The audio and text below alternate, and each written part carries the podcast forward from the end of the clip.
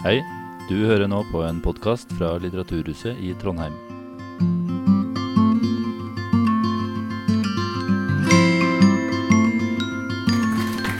Hallo. er Jeg, jeg, jeg på? Ja, det er jeg. Kjempebra. Hei, jeg heter Alex Iversen. Eh, Jeg er opprinnelig eh, medieviter. Og jeg er vel sannsynligvis invitert hit i dag fordi at jeg de siste sju-åtte årene har skrevet ganske regelmessig litt i norske aviser, hvor jeg har vært kritisk til det som har fått navnet Woke. Så jeg vil ikke stemple meg selv som anti-woke, men kanskje woke-skeptisk. Eh, hvor, hvor Alexa er, det, det aner jeg ikke, men det finner vi kanskje ut av. Men eh, Alexa er forsker og jobber på Holocaust-senteret i eh, Oslo. Så du kan jo kanskje begynne litt med å fortelle litt om bakgrunnen din og hva du gjør på Holocaust-senteret. Ja. Eh, jeg er ikke så veldig woke-skeptisk, da, så der Ja, kan vi møtes litt.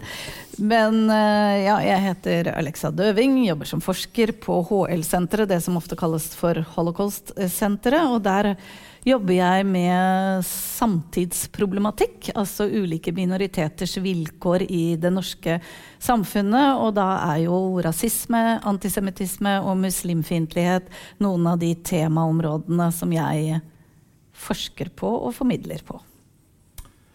Eh, vi har jo hatt litt, litt dialog eh, de siste dagene før vi skulle ha den eh, praten. Eh, og da vi snakka sammen sist, så hadde du noen ganske interessante refleksjoner rundt hvordan synet på rasisme og debatten om rasisme har utvikla seg fra ca. 80-tallet og, og fram til i dag. Hvis du, hvis du kan dra gjennom det for oss. Ja, ja, for det er jo interessant hvordan rasisme snakkes om i norsk offentlighet. Altså Hvis Basta hadde arrangert et tilsvarende liksom, eh, paneltema bare for eh, fem år siden, så ville kanskje det het 'Finnes rasisme i Norge'? Og det er ikke et spørsmål som diskuteres lenger, så det har skjedd noen store forandringer i, i, i norsk offentlighet. Og så begynte jeg å tenke på, ja, altså Når man snakker om, om, om rasisme, så kan man snakke om det i flertall, egentlig. Altså Rasisme har en kjerne, det har noen karaktertrekk som alltid vil være til stede. Men hvordan rasismen utfolder seg, eller uttrykkes, eller hvilken minoritetsgruppe den rettes mot, og ikke minst hvordan rasisme legitimeres for de som har rasistiske holdninger, det endrer seg veldig fra sted til sted, og ikke minst fra tid eh, til tid. Men det er, no, det er noen kjennetegn som alltid går igjen. Og da begynte jeg å tenke på liksom Norge og norsk historie, og vi har selvfølgelig mange rasistiske hendelser å ta av, og voldsomme hendelser, fornorskningspolitikken overfor samene, deportasjon av jødene og mange hendelser. Men eh, det som skjer på 80-tallet, er jo at Norge blir mangfoldig på en ny måte. Det har alltid vært mangfold, men på en ny og synlig måte med arbeidsinnvandringen. Og samtidig så blomstrer det opp nynazistiske miljøer i Norge. Så hvis man skal si når er det norsk offentlighet virkelig begynner å skrive om rasisme og blir opptatt av rasisme, det er i kjølvannet av bombetrusler mot eh, Sagene skole i forbindelse med 17. mai-feiring. Eh, hvor da barn med annen hudfarge skulle gå foran i flaggborgen. Og det var dette eh, uttrykket liksom 'nei til svartskaller' i 17. mai-tog. Og politiet tok ikke det alvorlig. Nei, dette var guttestreker. Og så kom det fram at mange skoler hadde fått mottatt nynazistisk propaganda, og politikerne med egentlig, tror jeg, Gro Harlem Brundtland i, i, spissen, samlet seg rundt og lagde en sånn ring rundt Sagene skole. Men da kom rasismen virkelig på agendaen i norsk offentlighet. Og så følger det på med Bootboys og med folkebevegelsen mot innvandring, med Arne Myrdals parti. Og da har du en sånn vekselsvirkning mellom rasismen som eh, veldig ty tydelig nasjonalistisk, ofte nynazistisk, ofte knyttet til vold og kriminalitet. Og rasisten er veldig tydelig i dette bildet. Ofte skinheads, en egen stil. Og så har du blitzerne og SOS Rasisme som slåss mot, på en måte. Og så kulminerer egentlig den formen for rasisme med drapet på Benjamin Hermansen, en 15 år gammel gutt som, som blir drept av nynazister pga. hudfargen sin, kan du si. Og du får en enorm mobilisering i det norske samfunnet. 40 000 mennesker som samles i fakkeltog på Jungstorget for å ta avstand mot rasisme. Men så Og så begynner også et ordentlig ungdomsrettet arbeid mot nynazismen. Og du får liksom bukt med den varianten. Og det skjedde helt sikkert massevis av det vi i dag kaller hverdagsrasisme i disse årene, men det hadde ikke noe fokus. Og etter drapet på Benjamin Hermansen så forsvinner på en måte rasismebegrepet fra norsk offentlighet. Det dukker opp sånn nå og da, når det er veldig tydelig hudfarge som er årsak til en rasistisk hendelse. Men så får du samtidig 9-11 og en oppblomstring av eh, frykt for og fiendebilder rettet mot muslimer. Og det får lov å vokse seg ganske stort uten at noen gjenkjenner de rasistiske elementene som ligger i muslimfiendtligheten. Og etter 22.07.2011 så får du mye debatter rundt muslimfiendtlighet i norsk offentlighet, men veldig sjelden brukes ordet rasisme. Og, og det er mye fint, fin motstand som skjer. Man tar tak i ekstremisme, i høyreekstremismen og den type rasisme. Men det rasistiske elementet er så å si borte. Og du kan si Hvis du ser på politiske programmer og handlingsplaner, så er man opptatt av hatet på nett. Men rasismebegrepet det glimrer med sitt eh, fravær helt fram til våren 2020. Og det er vel dit vi skal nå, egentlig. Med Black Lives Matter, som også da når Norge, som begynner med en solidaritetsbevegelse med svarte i USA, men veldig raskt vendes blikket mot det norske samfunnet og spørsmålet om men hvordan ser det ut her? Og da er det, det skjer det jeg kaller et paradigmeskifte. fordi plutselig så slutter man å diskutere om rasisme finnes i Norge. Ja, det, og forskere og debattanter og du og jeg er sikkert veldig uenige om hvor utbredt det er, og hva som er årsak til det, men det er veldig få som stiller spørsmål med hvorvidt det finnes. Fordi plutselig så ble det en vilje til å lytte til minoritetserfaringer. Og man får fokus på en helt annen form for rasisme enn den eh, kriminelle, voldelige, nynazistiske varianten. Men det som da kalles for eh, hverdagsrasisme. Og det er det som egentlig preger debatten i norsk offentlighet i dag. Men uh, vi, vi, skal straks komme tilbake til eh, BLM og, og mm. det som skjedde da. Mm. Men bare for å ta det helt grunnleggende. Og, og, og, jeg tenker at De fleste av oss uh, skjønner jo dette intuitivt. Men, men, hvis du skal beskrive hva rasisme er Hva det altså, er, hva det er og, så tenker Jeg at, at altså, jeg tror de fleste er i dag er enige om at det, det, gir ingen mening å snakke om rase når det kommer til mennesker. Altså jeg jeg, jeg syns rasebegrepet er ubehagelig å bruke i, i en menneskelig sammenheng. Så De fleste er jo enige om at liksom, rasisme og rasetenkning er en sosial konstruksjon, og at det har liksom en lang historie, og at, at, den måten vi kanskje tenker på rasisme i dag, er noe som konstrueres eller oppstår rundt kolonialismen og, og begrunnelsen for slavehandel og alt det der. Men hvis du skal dra den historien veldig kort og prøve å definere hva rasisme er, hva vil du si da?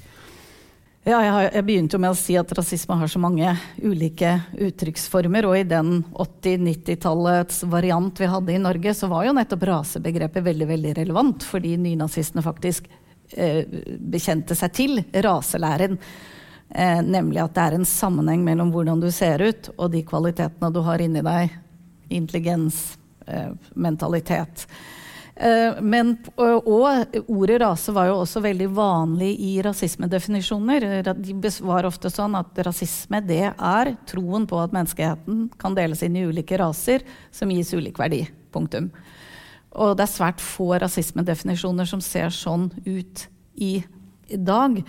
Og det har jo sammenheng med at den rasistiske retorikken endret seg veldig på 80- og 90-tallet. Man begynte å referere til eh, kultur og til religion som årsak til at visse grupper mennesker må underordnes og diskrimineres. Så det at rasismen liksom skjer eh, med referanse til vekslende liksom, eller ulikt grunnlag, det er nå tatt opp i rasismedefinisjonene. Men det betyr ikke at kjernen i rasismen har forandret seg. Eh, og det prøver rasismedefinisjonene å, å fange. da. Og det viktigste i en rasismedefinisjon, det er egentlig å prøve å sette ord på at rasisme, det er forestillinger. Så det er forestillinger om at mennesker har negative karaktertrekk, og at de er nærmest naturgitte på bakgrunn av deres opphav. eller hvem som har født dem, eller hvilken gruppe de tilhører. Og om det er kultur eller hudfarge eller forestillinger om biologiske raser, det er ikke så viktig, fordi den mekanismen er den samme. Men jeg liker jo også at en rasismedefinisjon har et handlingselement. At det ikke bare er noe kognitivt oppi her at vi tror det er slik, men at vi også handler på bakgrunn av de forestillingene. Nemlig at vi underordner og diskriminerer grupper mennesker med bakgrunn i forestillingene om deres væremåte. Da. Um, men hvis vi altså, plukker opp ballen med, med, BLM, så vet vi jo hva som skjedde. Det var koronanedstengning. Uh, George Floyd ble mm. drept. Uh, dette utløste de største demonstrasjonene vi har sett i USA. Mm tror jeg, altså i, ja. i, i, historien. Det var 26-27 millioner mm. mennesker på gatene mm. i nesten alle mm. store amerikanske byer. Og mm. det opprøret spredte seg òg mm. til resten av verden. Mm. Eh, og til Norge. Ja. Som jo egentlig er litt sånn uh, altså Det er et merkelig fenomen. At, at en, en svart mann blir drept på en gate i, hva, hva var det i uh, byen, ikke sant? Ja, med Minneapolis, tror jeg. Mm. Men, men, uh, men, dette blir på en måte en, en, en, et, et, globalt fenomen. Mm. Uh, og sånn som du sier, så, så, um, mm. så førte det til et, til et paradigmeskifte i den norske mm. debatten. Mm. Men kan du si litt mer om det paradigmeskiftet? Og i dag er vi tre år på ettertid, så vi begynner å få dette litt i bakspeilet. Ja. Og hva tenker du at dette har ført til mm. i dag? Aller først så førte det um det følte veldig raskt til i Norge, sammenlignet med en del andre europeiske land, til at man vendte blikket innover. Kanskje nettopp fordi kontrasten mellom USA og Norge er så stor, så begynte journalistene å spørre men hvorfor, eh, men hvorfor skaper denne solidariteten med George Floyd så enormt liksom, engasjement i det norske samfunnet? Og da var det akkurat som det åpnet seg en sluse hvor veldig mange med minoritetsbakgrunn begynte å fortelle om sine erfaringer. Og det viste seg at mange av dem som da var sånn rundt 20, mellom 20 og 30 år, hadde en lang historikk med erfaring med rasisme, men aldri hadde funnet det rommet hvor de kunne snakke om det. De gangene de gikk til læreren, så var det sånn Å, du har misforstått. Det var bare spøk. Og det var liksom sånn og det var også som journalistene vil jeg si, gjorde også en veldig god jobb på den måten at villigheten til å lytte var veldig ny. Det ble stilt veldig få spørsmål om men er dette egentlig rasisme. Hva er det du egentlig det, det var akkurat som det åpnet seg et felt for å kunne snakke om rasisme som møte med fordommer. At man var ikke så streng på at må de være intendert rasisme? Må det være en nynazistisk eller høyreradikal stemme bak? Så man åpnet rett og slett for å sette fokus på de barrierene ulike minoriteter møter i hverdagslivet i Norge. Så man fikk en ny forståelse for det. Og så kan du si at vi har svikta litt på å grave dypere. Eh, både forskere og eh, journalister. For hva er mønstrene i disse fortellingene? Hva er årsaken til det de opplever? Eh, er det noe strukturelt som ligger bak? Eller er det bare møte med enkeltindivider som har rasistiske holdninger? Eh, altså, det å grave litt dypere, er det ulikt ulike sektorer i Norge? Ulike institusjoner? Øst, vest, nord, sør? Altså, de mer dyptliggende spørsmålene har kanskje uteblitt litt, da. Um, men det skjedde òg en del sånne merkelige ting uh, i, i, um, under de demonstrasjonene. og sånn. Jeg tenker litt sånn, I Sverige så, så du svenske politifolk som gikk ned på knærne foran minoritetsmennesker. I USA hadde du hvite som vaska beina til uh, sorte demonstranter. Mm. Så det var liksom litt sånn religiøst over det. Og så òg en merkelig ting. I, I, London så hadde du demonstranter som ropte 'Don't shoot us'. Mm. Mens, men men britisk politi er ikke bevæpna. Altså det, er veldig, altså det er veldig lite drap på det, som ligner på mm. det du ser i, i mm. USA. Så, så altså, kan det være at det òg i den øh, oppvåkningen som kom, òg fulgte med på en måte en del sånne amerikanske måter å se på rasisme og mm. raseproblematikken med, som, som mm. kom med på som en sånn nisse på fjøla. Og, ja. og, at, og at, dette òg kanskje var uttrykk for en litt sånn amerikansk kulturimperialisme, som har gjort at vi har importert en del mm amerikanske forståelsesrammer som ikke helt passer til Europa, i hvert fall ikke Norge. Mm. Det er nok klart at både den antirasistiske bevegelsen og i og for seg forskningen på rasisme har hentet begrepsapparater og perspektiver fra land med en annen historikk og en annen form for rasisme enn Norge. Og det kan være problematisk i mange tilfeller. Nå har norske forskere blitt veldig flinke til å forklare begrepene og omgjøre dem til å passe til en norsk eh, virkelighet. Um, men når det gjelder liksom, aktivismen, da, så er det jo aktivismens språk er jo sterk symbolbruk, sterk retorikk. Og jeg tror, altså I Norge var det jo også sånn 'Jeg får ikke puste' gikk igjen hele tiden i plakater. Og det var jo et symbolsk uttrykk for at det er så mye jeg har holdt meg, inni meg. Det er så mye som ikke har fått lov å komme ut, og som nå må ut. Så jeg, jeg tror at liksom og særlig unge aktivistiske bevegelser, så tror jeg ikke man må reagere med liksom sånn Å, herregud, de overdriver, dette er jo helt amerikanske forhold, liksom. Eh, men, men, se det som en del av aktivismens språk, vil jeg si. Og jeg syns at den antirasistiske bevegelsen i Norge har vært flinke til å forholde seg til norsk kontekst og norsk samfunn, og ikke bruke USA som et speilbilde, da. Men hvis vi, hvis vi, går litt tilbake til, til, hvordan vi tenker om det og rammene og definisjonen av dette, mm. så tror jeg jo at en, en, en, en, veldig viktig endring, eller en sånn forståelsesramme som ligger rundt veldig mye av den måten forskere og aktivister snakker om dette på, det er at, det at rasismen er blitt strukturell. Mm. Altså Man tenker nå på, på, på, på mm. rasismen som strukturell. Mm. Og det betyr òg at den er diskursiv. altså Det betyr òg mm. at den, den, den, er noe som vi ser i språket, i representasjoner, hvordan vi snakker om ting. Eh, Uh, og, og, og, i et sånt um, strukturelt perspektiv så betyr det, det at du i praksis kan ha rasisme uten at egentlig folk er rasister. Mm. Men, men, men, men, vi som minoritetsfolk bærer med oss type rasistiske forestillinger mm. som vi kanskje selv ikke er mm klar over. ikke sant? Mm. Men, men, kan ikke du utdype det litt, og så, og så, og så for, prøve å forklare hva det betyr ja. at rasismen er strukturell? Ja, altså Det er jo et paraplybegrep, kan vi si, strukturell rasisme, som oppsto i USA, egentlig, og ja, dårlig med tall, sånn 70-tallet cirka, ish. Når man tenker liksom, men hvorfor er det sånn at den afroamerikanske befolkningen fortsatt er underprivilegert, blir diskriminert mot når alle juridiske lover er likeverdige. Og de fleste hvite amerikanere hadde helt klare antirasistiske holdninger. Når det har blitt så bra, hvorfor fortsetter vi å se diskriminering og rasisme. Og da fant man svaret at det er noen underliggende strukturer som ligger i ja, det du sa. Vår, vår måte å snakke på, vår måte å forstå på, mønster innenfor en institusjon når du ansetter folk osv. Noe mer eller mindre ubevisste mønstre.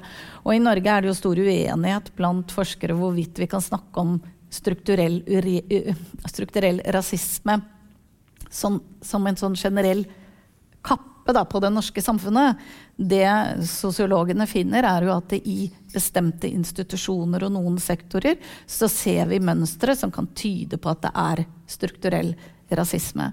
Men det, det jeg tenker på er at hvis man bruker det begrepet litt sånn som du egentlig forklarte det nå, med at det trenger ikke å ligge der sånn dypt forankret i i en institusjonspraksis, men at det ligger noe i populærkulturen vi har vokst opp med, noe i språket vi bruker, som farger oss i et direkte møte med mennesker med mørk hud eller med hijab eller hva det nå må være. Eh, jeg tror, eller i hvert fall alle de fortellingene vi har fått nå etter Black Lives Matter, de tyder jo på at mennesker med mørk hud har hatt en helt annen type oppvekst, har blitt møtt av omverdenen på en annen måte enn de med hvit hud. Og da er det veldig nærliggende å bruke begrep som strukturell rasisme, og at møtet med den kan skje i møte med meg, uten at det er intendert fra meg, men at jeg også kan bære i meg en del fordommer som gjør at jeg automatisk handler annerledes det er veldig lett å putte den CV-en nederst i bunka. Liksom. Uten at jeg er så veldig rasistisk av den grunn. Ja. Så det er det det begrepet forsøker å fange. Nei, og, og, en av de tingene som endringene som har skjedd på veien for jeg tenker sånn, Folk som er omtrent like gamle som oss, som midten av, ja, midt, ja. midten, midten av 50-årene mm. vi, vi, er nok vokst opp med en litt sånn Martin Luther King-tro eh, mm. på ting som sånn, 'content of your character, not the color of your skin'. Og, og, at, og, at, vi har tenkt at det altså, måten å være anti, altså, ikke være antirasist, men være ikke-rasist, det er jo på en måte å, og, og ha en sånn fargeblind blikk på verden og type sånn behandle Ja. alle på Ja. samme måte, og ikke gjøre ja. forskjell på folk ut fra hudfarge og alt det der. Men, men den måten å tenke på er jo i, i, i dag, virker det som på meg, i, i hvert fall i aktivistiske miljøer, satt på siden. Man, man ser på den måten å tenke på med litt sånn mistenksomhet. Og, og vil at man, altså, altså De ser helst at vi skal fokusere mer på å være bevisst eh, rase og gruppetilhørighet og, og sånne ting. ikke? Og, og der er det oppstått en konflikt. ikke sant? Er ja. Ja, du er inne på noe der. Altså det, eh, eh, det jeg heller vil si at de som er i det antirasistiske miljøet i Norge i dag, eller eh, minoriteter, de ser jo selvfølgelig at det er en stor forskjell på den kampen som skjedde for å få juridiske rettigheter, like, likt menneskeverd rent juridisk, sånn som i borgerrettighetsbevegelsen i USA, og at man er et annet sted i dag, heldigvis. Man ser jo at rasismen har ulike nivåer i eh, et samfunn. Men det mange med synlig, altså mange synlige minoriteter peker på, er jo at eh, er, er jo at de møter eh, de, de, de møter den samme Ikke samme type, men de møter barrierer. Og at den antirasistiske kampen skal prøve å identifisere hva de barrierene er. Og da blir den forestillingen om at man er fargeblind som en, Det var en som sa det er litt som en knyttneve i magen. Og, det, og, hun sa også det er jo ikke sårende for meg å høre at jeg er brun. Dere tør jo nesten ikke snakke om hudfarge i Norge. Det sårende for meg er at dere antar at jeg ikke er norsk fordi jeg er brun. Og eh, så lenge man har så lenge på en måte raselignende forestillinger leses inn i din kropp når du stiller på et intervju, eller når du møter noen på gata, eller når du er ute på et øh, kjøpesenter og blir sett på med mistenksomt blikk at du kanskje skal stjele noe. Så lenge ting leses inn i deg, og at det er en erfaring, så ønsker mange minoriteter at vi skal fortsette å snakke om farge. Det er ikke mange av de som ønsker at rasebegrepet skal brukes i norsk sammenheng, men de bruker gjerne begrepet rasialisering, for det er et begrep som viser til de samhandlingsmønstrene, eller prosessene som skjer når man underordnes eller mistenkeliggjøres. Så det at vi ikke bruker rasebegrepet, det betyr ikke at forestillinger om at din minoritetstilhørighet em, sier noe om deg som person. De forestillingene er jo ikke forsvunnet. Nei, og, og jeg tenker jo det at altså jeg, jeg, jeg har veldig mye sympati for en litt sånn fargeblind måte å tenke på, på, på dette med. Men, men, men det som menes med det, er jo ikke det at man liksom skal late som folk ikke er annerledes. Nei. For at det, jo, det, jo, det ser nei. du jo uh, med en gang. Men det er jo liksom det at man skal behandle folk på samme måte. Ja, Sant? og det vil jo selvfølgelig de antirasistene også være veldig sant, interessert i, men de mener vi er ikke der ennå. Og før vi er der, så må vi også snakke om, om farge, og at vi er ikke fargeblinde. Men, men eh? Og, og, og alt, altså det er veldig, veldig, veldig mye positivt med, med de tingene og de endringene og viljen til å lytte og alt det der. Men, men kan det òg være en, en, en liten fare her for at man blir eh, litt for sensitiv og litt for følsom? Og, og, da, da tenker jeg òg litt på selv. Altså det sånn, altså du har jo hatt sånn, sånne debatter om, om det er tillatt å spørre folk hvor de er fra. Eh, og jeg tenker sånn, det, det er et av de påbudene som jeg aldri har brydd meg om. Nei. Hvis jeg møter noen som er annerledes, eller som er, og, er, og, og jeg er nysgjerrig på hvor de kommer fra, hvilken historie de har å fortelle, så spør jeg. ikke sant? Og jeg, jeg har aldri blitt møtt med noe negativitet pga. det. Nei. Altså, tvert- tvert- Mannen min spurte noen i drosja Ja, ja. i går Du snakker ikke trøndersk, hvor er du fra? Jeg er fra Tyrkia, altså. altså og, og, min, og, min og, min opplevelse med det er jo at når man spør, altså når, når du får vite hvor noen er fra, Ja. så kan du stille oppfølgingsspørsmål, og så er du interessert. Og, og det liksom, det altså hvis jeg skulle latt være det, så er det veldig mange interessante samtaler jeg aldri hadde hatt. Men jeg syns uh, Sumaya Jirde Ali hadde for noen år siden eh, ble hun spurt om dette spørsmålet. Og hun sa nei, men det handler ikke om det. Det handler om hvordan du blir spurt. Og selvfølgelig for mange hvor ofte du blir spurt. Altså Hvis du er vokst opp i Oslo og er en ungdom eller et ungt menneske og blir spurt om det hele tiden, og det hele tiden antas at du ikke er norsk, så er det på en måte utmattende. Det er slitsomt. Men det er veldig få som sier at det er rasisme. Men det som er, er jo Du spør et hyggelig spørsmål. 'Å, hvor er du fra? Kan du fortelle litt mer?' En hyggelig måte å snakke på. Det er veldig få som definerer det som spesielt vanskelig, men det er den der ja, men hvor er du fra? Jeg er fra Bergen. Ja, men hvor er du egentlig fra? Det er liksom den at det ligger en veldig klar påstand om at norsk er lik hvit, når du spør om igjen og om igjen og om igjen. Norsk er lik å ikke være muslim, når du spør om igjen og om igjen. Det er den som oppleves ekskluderende. Så man skal være litt følsom og spørre på en ok måte. Ja, ja. Helt enig. Men du, nå, nå, ser jeg at, at, vi må passe litt på, på um, tiden, sånn at vi rekker innom det. Men jeg har, jeg har lyst til å jeg har lyst til å snakke litt om antisemittisme.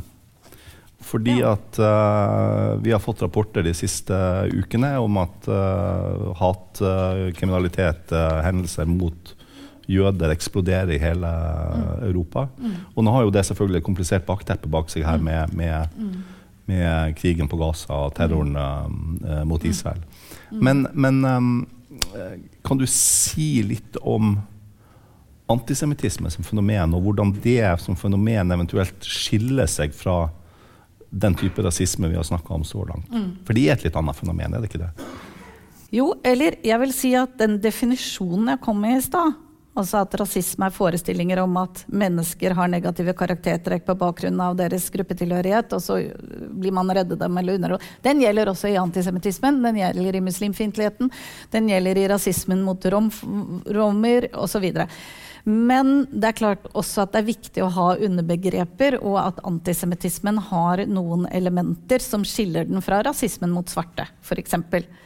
Og det er jo også fordi for, særlig konspirasjonsforestillingene om at jødene har en mentalitet som gjør at de jobber i det skjulte og ønsker å ta over, at de er spesielt intelligente og smarte, at de egentlig er ute etter å ødelegge den europeiske rase osv. Det er jo elementer som ikke inngår i rasismen mot de svarte.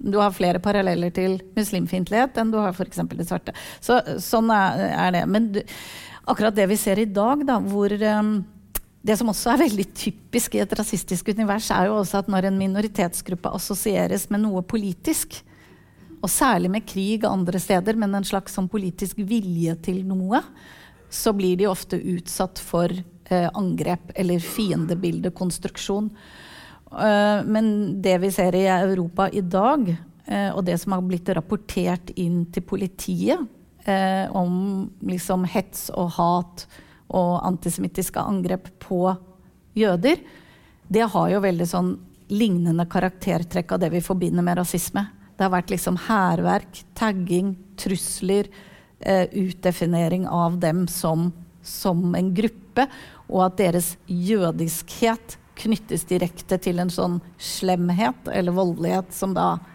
egentlig hører hjemme på i det israelske statsregimet. Mm. Mm.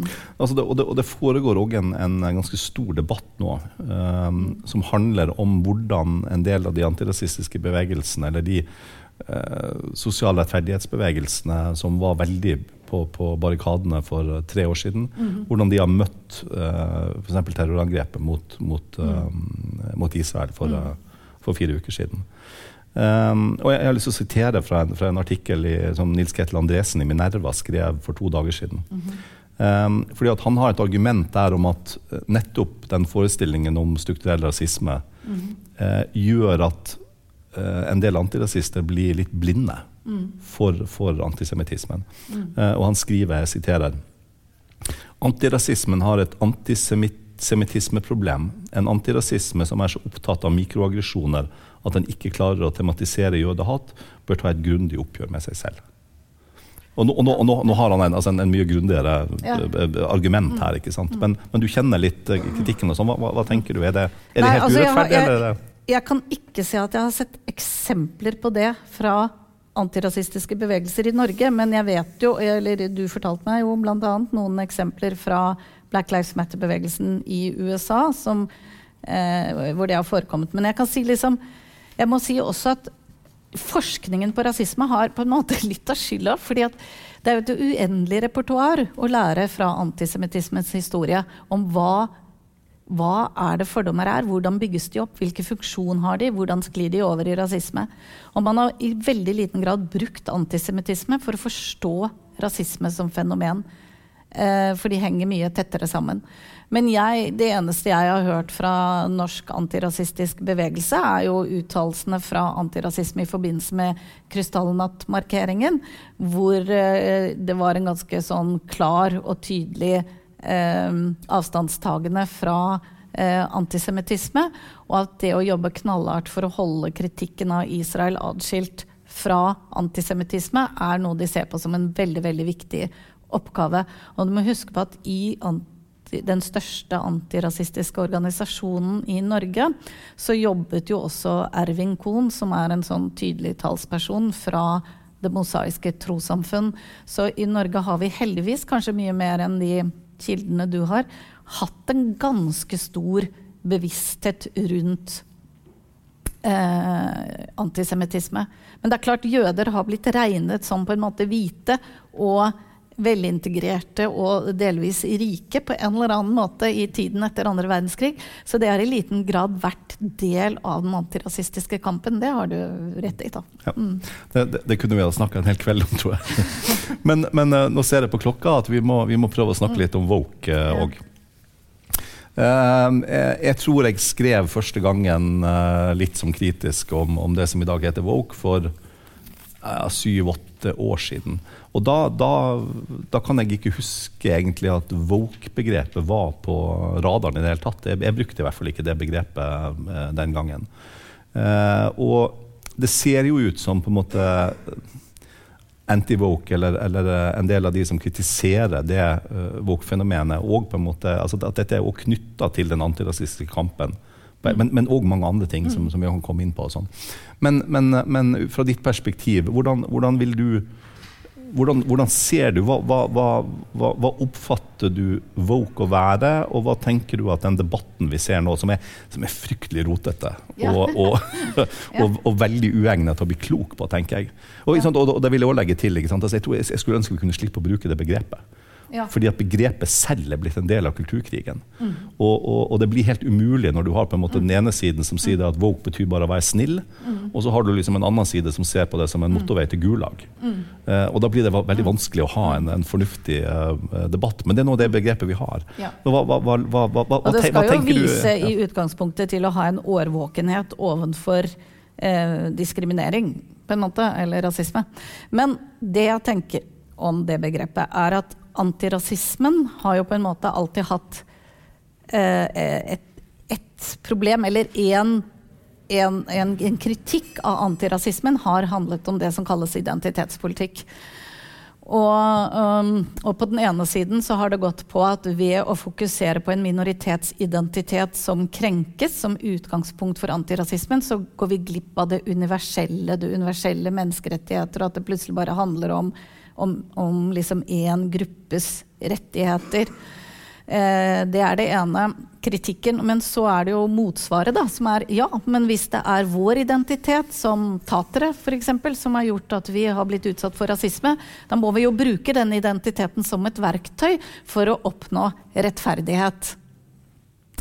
Og så er det igjen vært kritikk for at eh, Men hva gjør det med minoriteten selv, når de må bruke den identiteten som er forbundet med mest negativitet, blir ikke da den identiteten så veldig forsterket hos dem som minoritet. Så det er mange sånne interessante ting rundt identitetsdebatter. Men det er nok den kritikken av identitetspolitikk og identitet i det hele tatt som ligger bak oppblomstringen av woke, vil jeg tro. fordi den har jo ofte startet med at det enten at det handler om at et ord eller en statue eller en bok eller noe sånt krenker identiteten til en minoritet, og så er det et slags ønske om å ta et oppgjør med det. Og det som jeg eh, opplever med de såkalte woke-debattene, som for øvrig ser veldig annerledes ut i USA og i Norge, men jeg forholder meg til Norge, det er jo at det er vanskelig å ha et prinsipielt ståsted. Fordi jeg vet det du er opptatt av, og mange med deg, er jo opptatt av at ytringsrommet skal bli for snevert. Og så er det mange som, som jeg kanskje eh, er mer på lag med, som er opptatt av at minoritetsstemmer skal forsvinne fra offentlig debatt fordi at ordskiftet blir så hardt. ikke sant? Men eh, jeg syns det er vanskelig å ta et prinsipielt ståsted og si at må, alt må være som det er i vår kulturarv, fordi ellers blir det en historisk revisjonisme, og, og vi fjerner virkeligheten som det er, bare for å være politisk korrekte. Um, man kan ikke ta noe prinsipielt ståsted. Man må diskutere hver sak som dukker opp for seg. Bare sånn helt enkelt. Pippi Langstrømpe er en sånn universell barnebok som er like aktuell i dag som da den ble skrevet. Og så deilig at vi slipper å lese om negerkongen der. At den har fått et annet navn.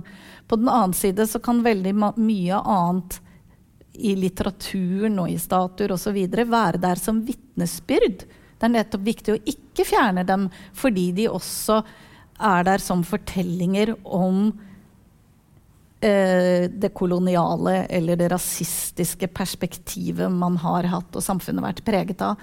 Så jeg tror at man må bare ha de diskusjonene fra sak til sak, egentlig. Når er det vi må endre på noe? Og når ikke. Og nå vet jeg at jeg skravler veldig mye på noe, men jeg jobber på et holocaust-senter. Og jeg har lest debattene som foregikk på 30-tallet da. Og gud an meg, jeg skulle ønske det var litt mer woke og litt mer kansellering på den tiden der. Fordi det som sto om jødene i Aftenposten, f.eks., det preget folks holdninger. Nei, det er best å ikke slippe dem inn som flyktninger. Så, så, så ordene vi bruker, har jo kraft og makt. Så jeg syns at man innimellom har noen sånne eh, debatter om ord og uttrykk knyttet til ting vi kanskje er glad i i kulturen vår, men at vi kanskje ja, denne panelsamtalen handler om å ta et annet perspektiv. At vi kanskje innimellom må ta et annet perspektiv. Ja, ja og, og, det, og, det, tror jeg egentlig eh, Det tror jeg egentlig er veldig lett å bli enig om. Mm. Og så tror jeg det at de, de, debattene som går på representasjon og ord og sånne ting, ikke mm. det, det, det er òg egentlig litt en sånn overflate.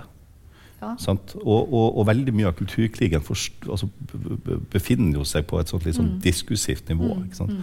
Men, men, men, jeg ser nok litt annerledes på det, og nå, nå har vi litt for kort tid til å gå dypt, til, til, til, å gå dypt inn i det. Sånn. Men, men, jeg tror at jeg er ganske overbevist om at det vi kaller woke, mm. som vi burde finne et annet ord for, -hmm. er, er, et uttrykk for en, en, en uh, ideologi Mm. Altså en ganske ny ideologi som, som, har vokst fram, eller som har, har hatt en kort marsj gjennom institusjonene mm. de siste ti årene, og litt, på, på, i kjølvannet av, av BLM-bevegelsen.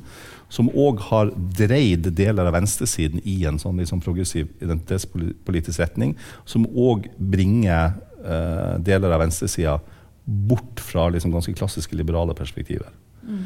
Og, og, og, og, det skulle jeg gjerne ha sett en, en, en mye grundigere og, og uh, grundigere debatt om. For, for, der tror jeg det er noe å snakke om. Sånn, og, og, og, jeg snakker om dette fra et veldig sånn type klassisk sentrumsnært, uh, liberalt sted. Så, så, så, jeg har ingen problemer med å anerkjenne at det fins folk ganske langt ut på høyresiden mm. som egentlig bruker Vogue som en sånn skrekkplakat for, for alle progressive endringer som de, som de uh, ikke liker. Ikke så, det, så, så de, de, de, misliker jeg veldig sterkt. Og, og, og, en av de tingene som av og til liksom frustrerer meg i den debatten om, om, om, disse tingene, er at en del av kritikerne på andre siden de klarer ikke helt å skille mellom de sentrumsliberale stemmene og, mm. og de som på en måte er ganske antidemokratiske og, og, og sånn på, mm. på, på, på høyresiden. Altså på, på høyresiden, ikke sant? Mm. Så, og, og, det som ligger òg i det, det er at altså det, det, er helt meningsløst å si at hele venstresiden er woke. Mm. Det, det, er bare tull. Fordi at Hvis du ser på, på Klassekampen på redaksjonell mm. plass, hvis du, hvis du hører på Mimmer og Marsdal sin mm. podkast Jeg hører ikke spor av noe woke der. Mm. For de er, de er forankra i en mm. type materialistisk venstretradisjon. Mm. Og så har du andre som er litt på, på andre siden. Så det, det, er mulig at dette er liksom litt sånn teoretisk og, og, og, og komplisert, men, men, men, men, der er det en debatt å ha, og, og der tenker jeg at den av og til blir litt sånn unyansert. Mm. Ja, det har du vel sikkert eh, rett riktig, og det som i hvert fall er synd, er hvis ord og uttrykk at, at det gjør folk usikre, og at det skrenker inn rommet for å diskutere fordi man er redd for å bruke feil ord og uttrykk osv. Men nå har vi jo i Norge hatt ganske få såkalte woke-debatter, og de som har vært, har jo handlet om veldig sånn eksplisitte små ting som et ord eller et bilde eller en benk i en park, liksom. Men det som jeg syns er litt synd med de debattene, er jo at de fjerner um, De fjerner interessefeltet for litt mer dypstrukturelle ting, som kanskje i utgangspunktet ikke trenger å ha akkurat med rasisme å gjøre, men som er med på å um, øke rasisme, som f.eks. økonomisk segregering av Oslo by. Eksempel. altså at vi snakker mye mindre om det strukturelle som også skaper forskjeller mellom minoritet og majoritet, fordi det er så mye lettere med de mer diskursive debattene da, å snakke om liksom, ord eller hva som henger på Nasjonalmuseet. Eller, eh, ja. Så det, det, er det jeg syns er litt synd med, med, med, de, med de, debattene. Da. Og så tenker jeg at, uh, at uh, det ståstedet som du har, og den såkalte mer såkalte mer woke-bevegelsen også kunne ha diskutert hvor er det vi skal ha disse restene fra historien. Hvor er det vi skal ta de koloniale oppgjørene, f.eks. Og er det sånn at uh, en statue skal hakkes i stykker og, og, og, og, kastes i elva på nesten litt voldelig vis, eller bør den inn på et museum, og finner man mellom, mellom, uh, mellomløsninger, da? Um, men det at Jeg er litt enig med deg at det woke-ordet kunne man gjerne uh, byttet ut. fordi det som handler om å hele tiden forandre språket og kulturarven, hvordan vi snakker om hverandre, det skjer jo hele tiden. Det er jo ikke noe nytt fenomen. Så woke høres ut som det er noe som plutselig, ja. plutselig har skjedd. Liksom. Jo, jo øh, øh, men det, det, er jo et definerende kjennetegn ved, ved det jeg ville kalle woke. Ja. Det, det, er jo nesten en litt sånn overtro på språket sin makt. Ja. Altså, og, det, og, det, kommer jo litt fra en sånn, sånn postmoderne, poststrukturalistisk måte å tenke på. Men, ja. men, at man tror at hvis man, hvis man forandrer språket, så har man samtidig forandra verden. Og, og, ja, men det, bitte, bitte. Altså, og, bare et lite eksempel. bare et lite eksempel altså, Stanford sendte ut for syv-åtte uh, måneder siden en, en sånn uh, harmful language guide. Mm -hmm. Hvor de basically anbefalte uh, studentene og ansatte å bytte ut 350 helt vanlige hverdagsord. Mm -hmm som av ulike spuriøse grunner hadde en eller annen forankring i noe de ikke likte. ikke sant? Og det er klart at Da, da, da tipper du litt over, tenker ja, ja. jeg. Altså, i, altså, altså, og Hvis man skulle ha prøvd å skrive en tekst mm. med alle de rådene, mm. så jeg, jeg, jeg ba ChatGPT å, å ja. gjøre det. Og det blir uleselig. Sant? Ja, det blir uleselig. Det blir helt uleselig. Ja. Det, det, gir ingen mening. Nei, Men altså, det er klart at alle debatter kan ta liksom absurde varianter. Og at når man liksom diskuterer om man skal skrive at noen var tjukk eller ikke, sånn som det var med de Roald Dahl-bøkene. Men det, blir, det, ender jo ofte med et skuldertrekk. Men eh, det jeg har lyst til å si også, er at når det gjelder Det er jo også særlig historikerne eller, det, eller folk har jo vært opptatt på at man prøver å forandre på noe i politisk korrekthetens navn, og at vi da mister noe. Men det historikere sier nå, og da har jeg lyst til å sitere en veldig flink forfatter, hva er det han heter, Trygve Riise Gundersen. Han har jo pekt på hvor utrolig viktig de nye perspektivene har vært for historiefaget. For man begynner å spørre Men hvordan så historien ut hvis jeg skifter perspektiv? Hvis jeg forteller den Eller la oss si norsk historie, der hvor jeg jobber. da. Den Norsk krigshistorie ble skrevet fra hjemmefrontens perspektiv i alle år. Nå skrives den fra jødenes perspektiv. Og det er jo ikke det at hjemmefronten forsvinner, men du får en historie til. Du utvider forståelsesfeltet, da.